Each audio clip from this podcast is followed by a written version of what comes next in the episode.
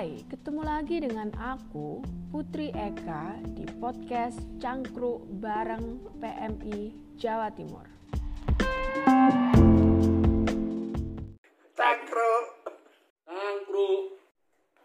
Cangkruk.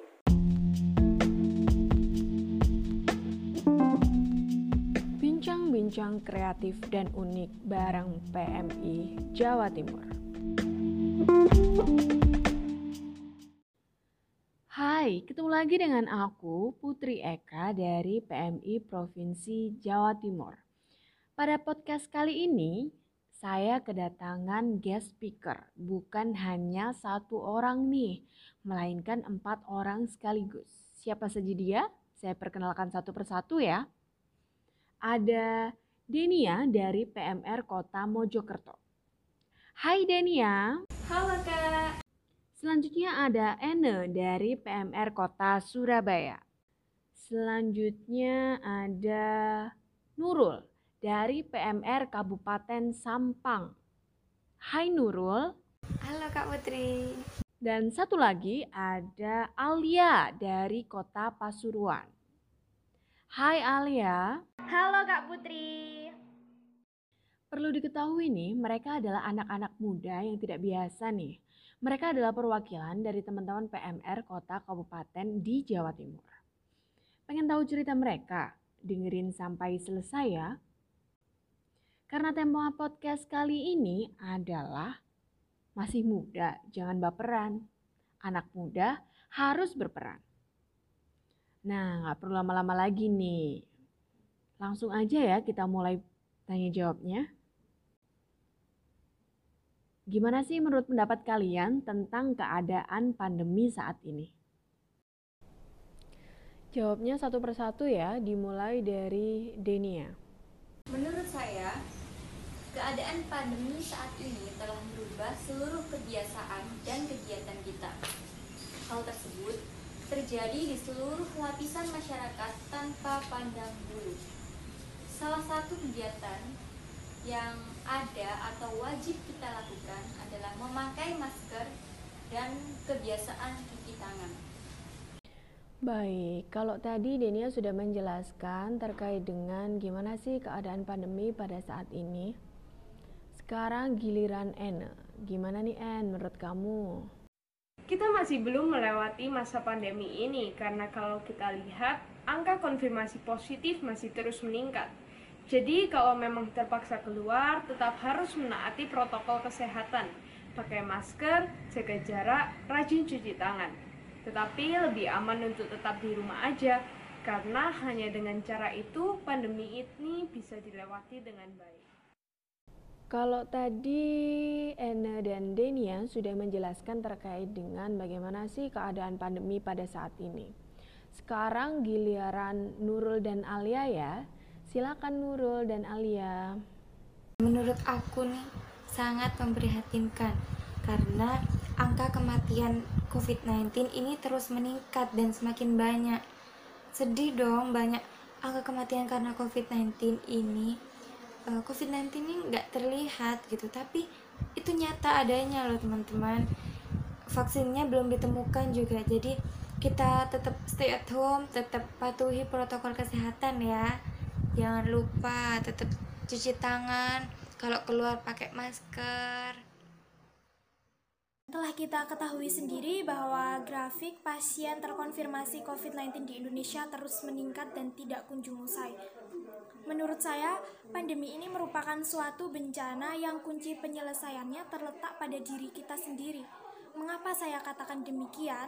Karena jika seluruh lapisan masyarakat patuh akan aturan protokol-protokol kesehatan, besar kemungkinan grafik pasien terkonfirmasi COVID akan turun dan pandemi akan segera usai.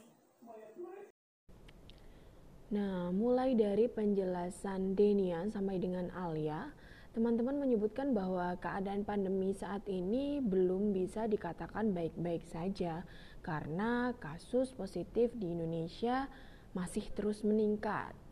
Kalau gitu, kita lanjutkan ke pertanyaan berikutnya ya.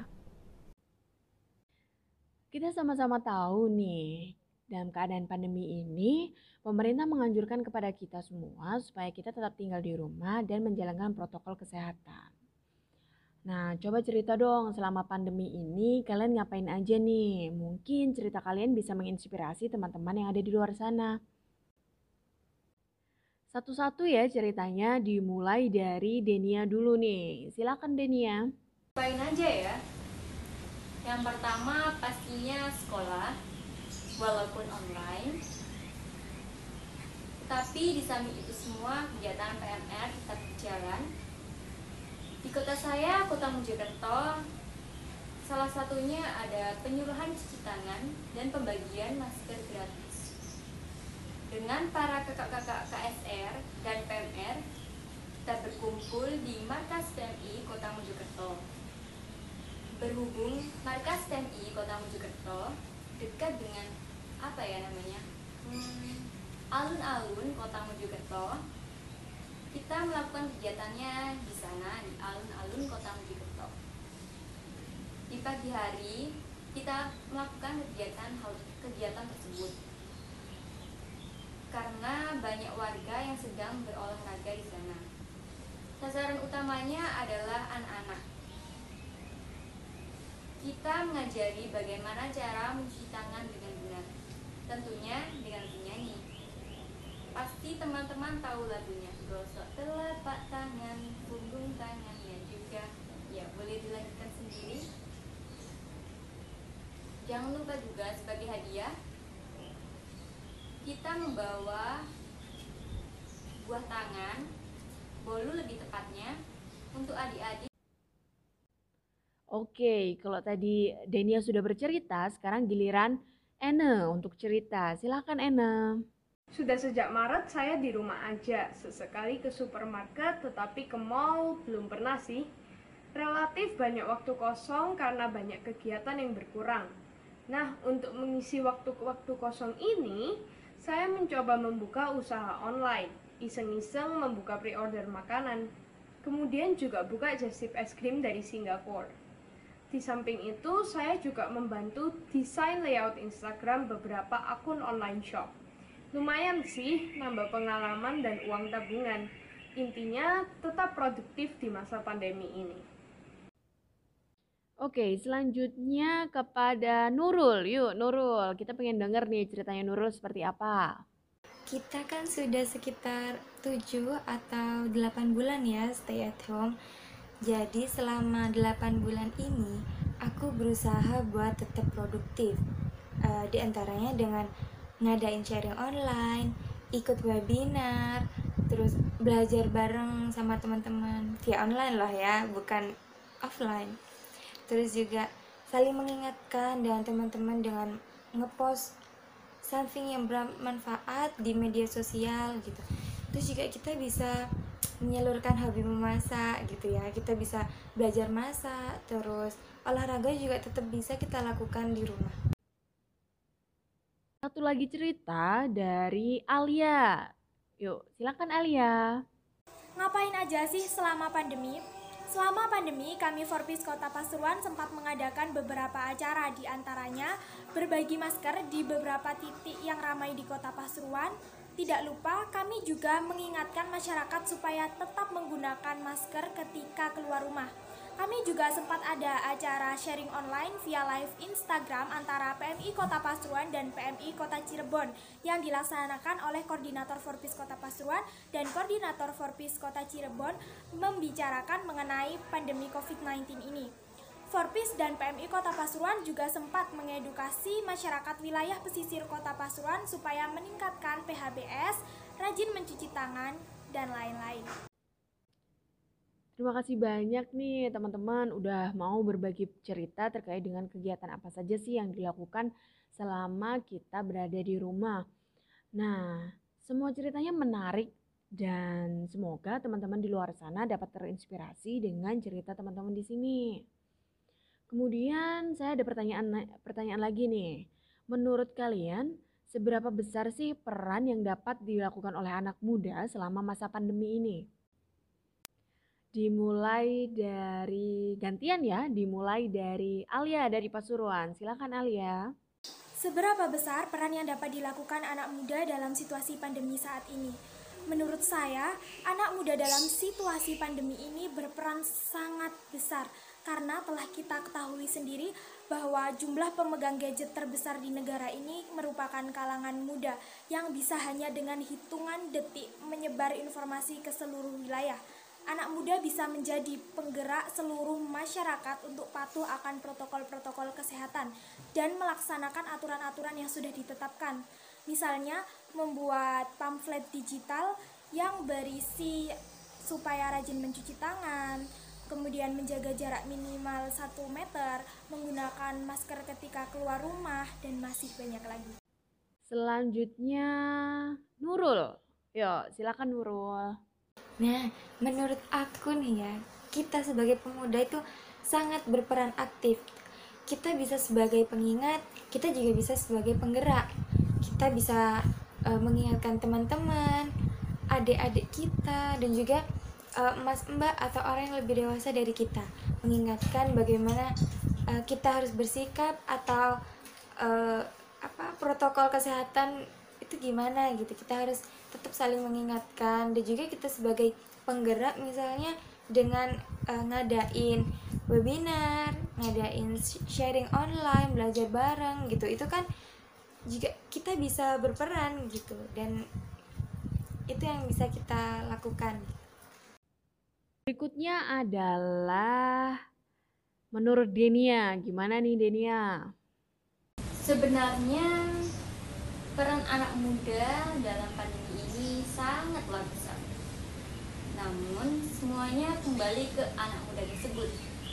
Apakah dia ingin membantu negaranya untuk lekas sembuh dari wabah COVID-19 ataukah ingin memperparah keadaannya? Salah satu peran anak muda selama pandemi ini adalah menyebarkan bagaimana cara mencegah COVID-19.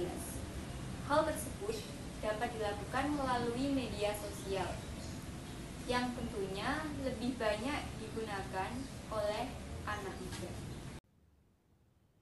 Dan terakhir menurut Ena, gimana Nina menurut kamu terkait dengan peran anak muda selama masa pandemi ini? Yang jelas kita harus memberikan contoh untuk lingkungan sekitar kita dengan menerapkan protokol kesehatan.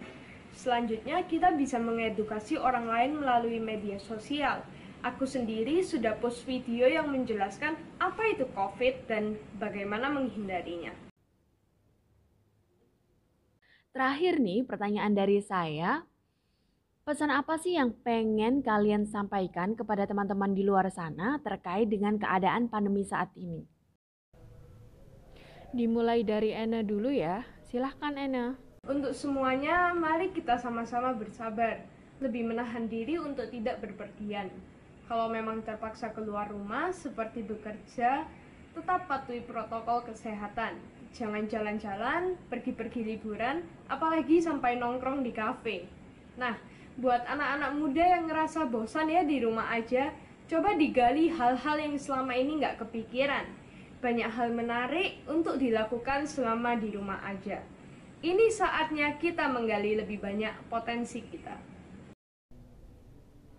Selanjutnya giliran Alia nih. Silakan Alia. Pesan saya untuk teman-teman di luar sana terkait pandemi saat ini yaitu patuhi aturan pemerintah, tetap jaga kesehatan, tetap produktif menciptakan media-media edukatif dan inovasi-inovasi terbaru, dan tetap berpikir positif, jangan mudah terprovokasi. Setelah itu, Nurul. Silahkan Nurul. Pesan aku nih buat teman-teman di saat pandemi gini, uh, tetap stay at home ya kalau bisa gitu gak usah keluar-keluar kalau nggak penting-penting banget terus uh, kalau keluar pun jangan lupa pakai masker bawa hand sanitizer terus pas nyampe rumah lagi jangan lupa buat cuci tangan pakai sabun terus juga kalau bisa nih ya kurangin deh nongkrongnya. Kita masih dalam masa pandemi ini rentan banget gitu.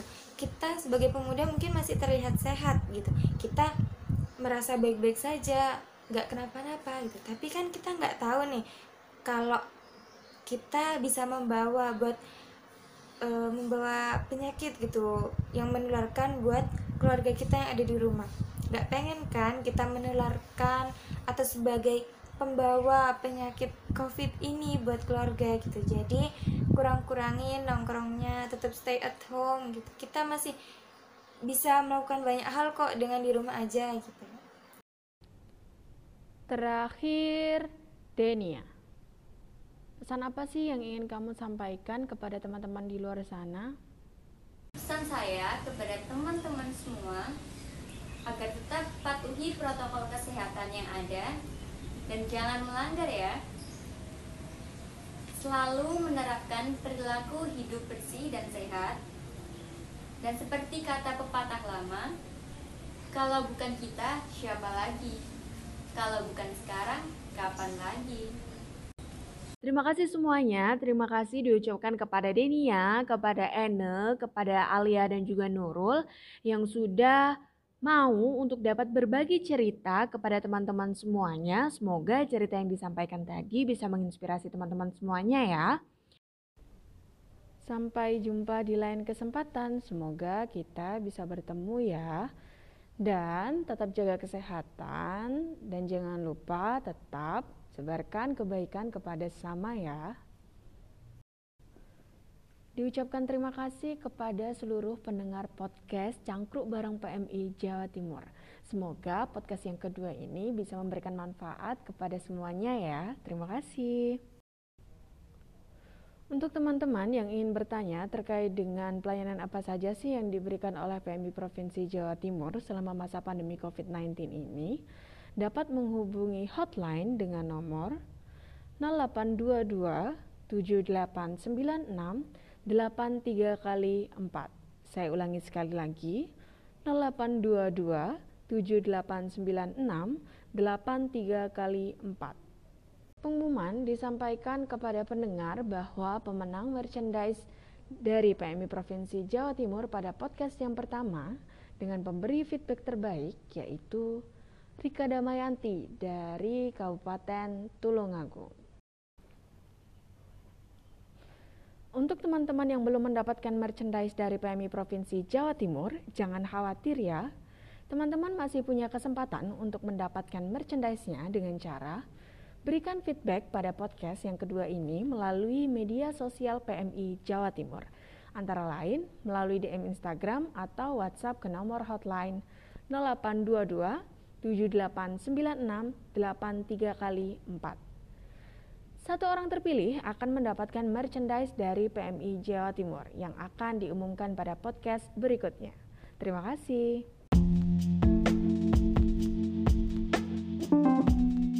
Diucapkan terima kasih kepada media partner kami yaitu dari Reng Situbondo dan juga Bondowoso Melesat.